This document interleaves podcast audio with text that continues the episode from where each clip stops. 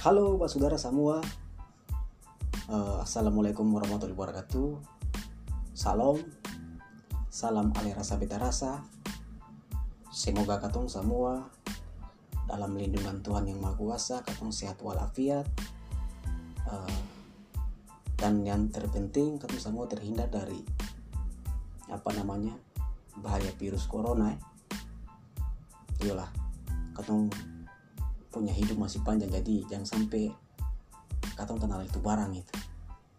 Karena katong uh, baca di berita kadang membuat katong stres juga. Contoh katong mau bikin mana tinggal mana. Banyak rekomendasi banyak solusi banyak hoax yang bertebaran bikin katong pusing. Uh, oke perkenalkan beta uh, Sabri 55 ini beta pun channel uh, Batu Karang 94 uh, ini adalah konten pertama cerita beta uh, dengan segmen bercerita ruang hidup. Katong bersengaja uh, mau fokus pada uh, bicara petuanan. Bagaimana katong harus jaga katong petuanan karena di Maluku saat ini yang kita baca dari uh, sosial media ya dari Facebook dari Instagram dari media-media online uh, belakangan ini katong disibukkan dengan isu uh, illegal logging perampasan lahan. Ini banyak. Itu terjadi di Maluku. Nah sengaja beta uh, kembangkan inisiatif ini lewat uh, satu narasi podcast ya. Sehingga buat podcast mau baca cerita kita punya keluh kesah. Setidaknya podcast tahu bahwa saudara dong semua untuk bagaimana kita bisa melek bisa fokus bisa peka terhadap yang punya. Uh, ruang hidup yang selama ini kita hidup dari akang. Uh, gunung laut utang dan sumber-sumber kehidupan lainnya. Nah di Maluku saat ini yang kita lihat dari 2018 sampai 2020 ini ini tahu beta ya, bahwa banyak sekali banyak sekali isu perampasan lahan yang terjadi.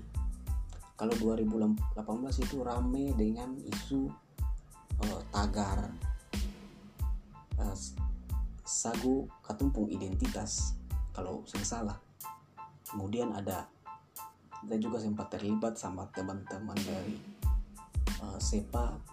Itu atau bikin aksi diskusi soal silalau silalau seng sendiri habis itu kemarin ada sabuai juga soal sabuai. Uh, kemudian di apa namanya di Seram Utara. Jadi pulau pulau Seram ini sebenarnya menarik karena memang di satu sisi dia punya lahan luas dia punya sumber daya alam juga banyak di situ. Jadi ini menjadi Pulau Seram menjadi satu sasaran empuk para investor dong. Uh, Parbeta seng masalah kalau dong mau datang mau tanam saham di situ tapi problemnya adalah dong datang tanpa izin tanpa sepengetahuan masyarakat. Nah ini problemnya. Alhasilnya dong berikan dampak-dampak buruk. Misalkan uh, misalkan ada perusahaan sih dong buang limbah sabarang. Terus dong uh, penimbangan utang sabarang. Nah, ini kan problem besar yang harus katong sikapi. Sehingga jadi soal kamu datang mau tanam saham berapa puluh di situ. Yang penting kamu punya izin jelas. Kamu punya uh, apa namanya sudah diketahui sama masyarakat. Masyarakat mengiyakan itu. It's okay parbeta it's okay. Tapi kalau kamu datang diam-diam terus tiba-tiba kata dengar kata utang sudah ambil kan problem besar juga. Contoh kecil seperti apa namanya kasus Sabuai kasus Sabua itu kan uh, dong dapat tangkap dong mempertahankan dong punya tanah adat. Tapi dong ditangkap. Nah ini kan uh, satu apa problem yang sangat membingungkan kira-kira uh, aparat ini aparat penegak hukum dalam hal ini kepolisian kan dong memihak siapa perusahaan atau yang punya tanah nah ini yang harus kita sikapi uh, lewat podcast ini. Sehingga kita bikinnya juga supaya kita bisa share. Mungkin teman-teman nanti bisa yang nonton bisa share bisa uh, kasih berbagai informasi di kolom komentar dan sebagainya. Uh, terlebih lagi bahwa isu-isu perampasan lahan di Maluku itu belum banyak yang berfokus ke situ. Kita saya tahu oh, organisasi apa di Maluku atau LSM apa yang di Maluku yang fokus pada isu-isu oh, pembawaan hutang, perampasan ruang hidup. Saya tahu. Yang kita tahu ada beberapa organisasi yang fokus pada isu-isu lingkungan tapi dia meliputi keseluruhan. Nah yang konsen benar-benar di isu uh, jaga ruang hidup seperti hutan uh, lahan dan sebagainya itu. Saat ini kita belum uh, belum tahu ya tapi moga-moga ada sih. Dan ini juga semoga dia bersikap bersifat independen agar independensi dia dalam bergerak dalam memperjuangkan hak layak masyarakat adat di pegunungan Binaya ataupun di ujung Seram Barat atau ujung Seram Timur itu bisa terkonsolidasi dengan baik. Karena Maluku Pulau Seram menurut beta bicara uh, pernah cerita dengan teman-teman mahasiswa dong bilang Seram ke depan itu menjadi satu oh, ladang subur. Jadi banyak nanti akan dilihat ke situ karena dari sisi kehijauan kelestarian alamnya itu masih sangat perawan gitu. Dan ini lambat laun akan kemudian diincar-incar.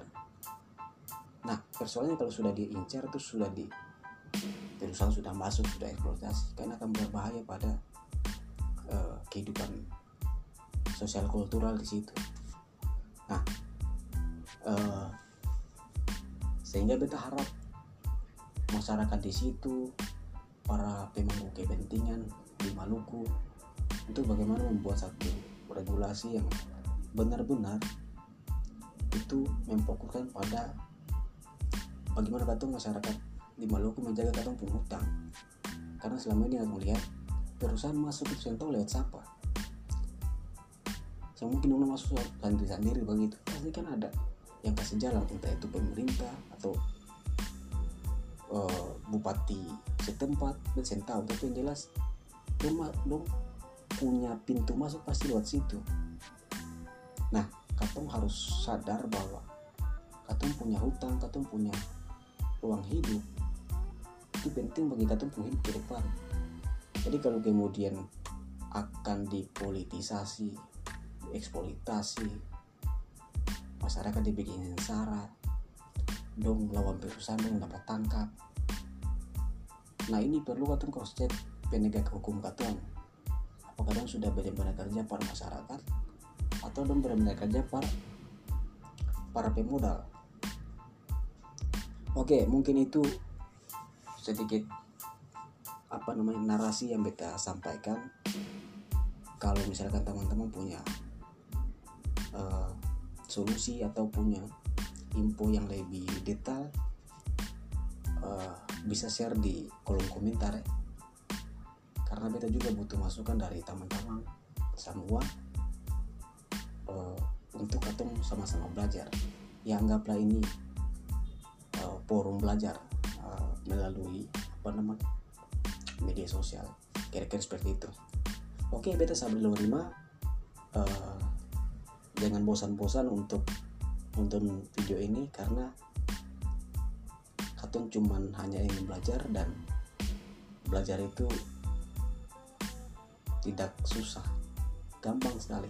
Asalkan jangan malu jangan merasa beban dan siap untuk menerima keadaan. Oke dari beta wassalamualaikum warahmatullahi wabarakatuh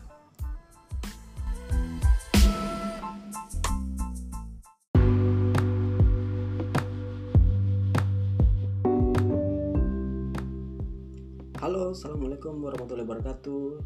Salam sejahtera untuk kalian semua. Salam. Semoga kalian dalam lindungan Tuhan Yang Maha Kuasa. Amin. Oke, kembali lagi dengan Beta Sabri Laurima dalam Beta Podcast. Pada video kali ini, ini video yang kedua. Beta akan bicara soal satu topik menarik yang sempat viral kemarin di sosial media. Karena dari topik ini juga katanya pun saudara pun abang John Titale uh, hilang nyawa gitu. Pada 16 Maret 2020 kemarin di depan mall Tangerang City. Perlu kata ketahui bahwa topik yang kata membahas ini adalah topik tentang stigmatisasi. Bagi beta stigmatisasi ini adalah satu hal yang sangat sering kita mendapatkan. Apalagi kata orang timur yang hidup di Jawa sini dari Surabaya sampai Jakarta tuh sering mendapat hal-hal semacam ini. Kalau kamu melek soal isu Papua kemarin teman-teman Papua yang di Jogja, di Surabaya, di Malang sampai dikatakan monyet itu adalah bagian dari stigmatisasi terhadap kata orang timur. Kemudian yang di, terjadi di Indonesia kemarin juga atau orang Ambon dibilang monyet puncaknya ada di kakak John kakak almarhum John Titale karena akibat dari hanya karena dia warna kulitnya hitam dong anggap dia sebagai ancaman sebagai musuh sehingga nyawa dong simpandang dia mati sia-sia. Kita turut berduka buat kakak John semoga almarhum ditempatkan di surga jannah. Amin. Ya rabbal alamin Oke, kenapa beta sengaja angkat topik ini? Karena bagi beta topik ini tidak pernah berhenti. Stigma ini tidak pernah berhenti gitu. Sering yang terjadi di Indonesia, stigma ini selalu disudutkan pada kelompok-kelompok rentang. Bagi beta kata orang timur adalah kelompok rentan karena disering mendapat ancaman seperti ini. Dibilang monyet, dibilang bau, dibilang bodoh, dibilang keras, dibilang tidak tahu apa-apa dan sebagainya itu sering atau dapatkan gitu. Beta pernah alami hal-hal semacam ini juga di pada zaman kuliah. Tapi beta yang uh, terlalu pusing dengan soal itu karena beta memang hanya fokus pada kuliah. Tapi lambat laun beta sadar kalau dari akibat dari stigma ini bisa membuahkan konflik yang berkepanjangan. Contohnya kita bisa lihat di saudara-saudara Papua tuh untuk kemarin itu sampai dong ingin merdeka karena perkataan-perkataan monyet dan sebagainya kan perkataan-perkataan yang tidak manusiawi dan sangat uh, membatasi ruang akses gitu. Nah kita mau ini terjadi Pak Kato bahwa dalam ketemu Undang-Undang 1945 Undang-Undang Dasar 1945 sudah jelaskan dalam pasal 28A 28I kemudian pasal 30 Undang-Undang HAM sudah jelaskan tentang setiap orang itu berhak atas rasa aman dan tentram serta perlindungan terhadap ancaman ketakutan untuk berbuat atau tidak berbuat sesuatu. Artinya apa? Atau setiap manusia bebas untuk bebas harus bebas dari rasa takut, rasa harus mendapatkan rasa rasa aman, rasa perlindungan.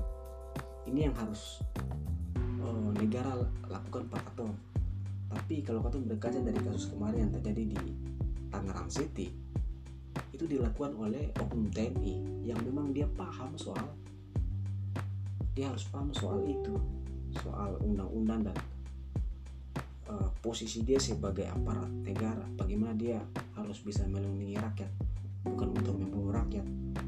Kemudian ormas Pancasila juga dia punya hanya dia punya nama Pancasila saja tapi dia punya kelakuan. Kita mau bilang binatang juga takut salah. Mungkin teman-teman sendiri bisa menyimpulkan soal itu. Nah kita hanya mau fokus pada soal yang terjadi di Tangerang City bahwa ini kan hanya karena warna hanya karena warna kulit. Tapi kenapa main sapu rata begini tuh? Kata akan juga saya katakan orang-orang yang melakukan itu dong sedang krisis akal atau dong sedang kecelakaan berpikir sehingga bisa berbuat seenaknya seperti itu. Ini nyawa loh. Tuhan aja mau cabut nyawa tuh dia masih pikir. Si manusia yang sama dengan katong nih masih bisa melakukan itu dengan oh, apa namanya perlengkapan usia tanpa berpikir panjang bahwa apakah dia ini benar-benar yang terlibat. Karena yang kita baca di informasi bahwa kakak John almarhum kakak John ini dia hanya penjual kopi di Tangerang City yang saya tahu apa-apa tapi kemudian karena dia punya warna kulit sama warna kulit hitam dia dia dianggap bagian dari orang-orang yang terlibat konflik dengan oknum TNI ini. Nah ini kita sangat sayangkan pola pikir seperti ini masih ada di masyarakat Indonesia. Bahkan kita menganggap bahwa Pancasila benar-benar belum selesai di Indonesia Kenapa? Karena oknum tentara sendiri yang melakukan itu, kemudian oknum pemuda Pancasila juga yang melakukan itu, yang memang dong benar-benar paham tentang Pancasila tentang arti uh, persatuan, tapi kemudian kalau dong melakukan hal seperti ini kan bisa membuat konflik jangka panjang gitu antar suku, antar ras. Nah ini akan uh, seiring akan menghancurkan Pancasila itu sendiri. Kita sangat sayangkan itu nah kemudian juga uh, stigma ini adalah satu alat yang memperhambat akses manusia gitu. Karena ada sih stigma katong sim bisa gerak ke sana kemari katong punya hak atas rasa aman terganggu pelayanan publik terganggu. Nah ini menjadi sih menjadi teguran teguran buat pemerintah dong pusat maupun daerah untuk bagaimana kalian bisa melihat hal-hal kecil seperti ini. Stigma ini cuma kecil cuma dia punya dampak tuh sangat besar. Bisa buku bunuh bisa konflik berkepanjangan. Jadi jangan kata main-main dengan stigma ini karena dari stigma ini kata bisa baku pukul antar sesama nah kita mau itu. Mungkin ini pelajaran pak katong per ormas Pancasila ormas apalagi oknum TNI bahwa mari katong eratkan uh, persatuan jangan seperti inilah. Katong juga saya mau hal-hal seperti ini terus.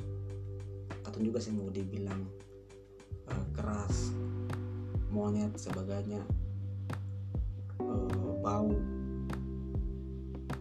Memang katong beta akui bahwa kata orang timur tuh banyak preman tapi kan yang harus main sapu rata begini. Kata harus pikir lah pikir bahwa apakah ini dia benar-benar uh, terlibat atau tidak. Tapi kalau memang hanya sapu rata tanpa pro, hanya karena emosional atau bisa menghilangkan nyawa orang dengan seenak gitu gitu. Saya mau itu. Oke itu dari beta dulu. Semoga ini bisa bermanfaat pada kamu semua. Nanti tunggu lagi di konten-konten podcast berikut karena beta akan tetap terus ada untuk baca cerita untuk berbagi pada kamu semua. Dan beta juga harap dari ada feedback dari kemon biar kalian sama-sama bagi informasi. Oke dari beta bila itu feedback daya wassalamualaikum warahmatullahi wabarakatuh. Shalom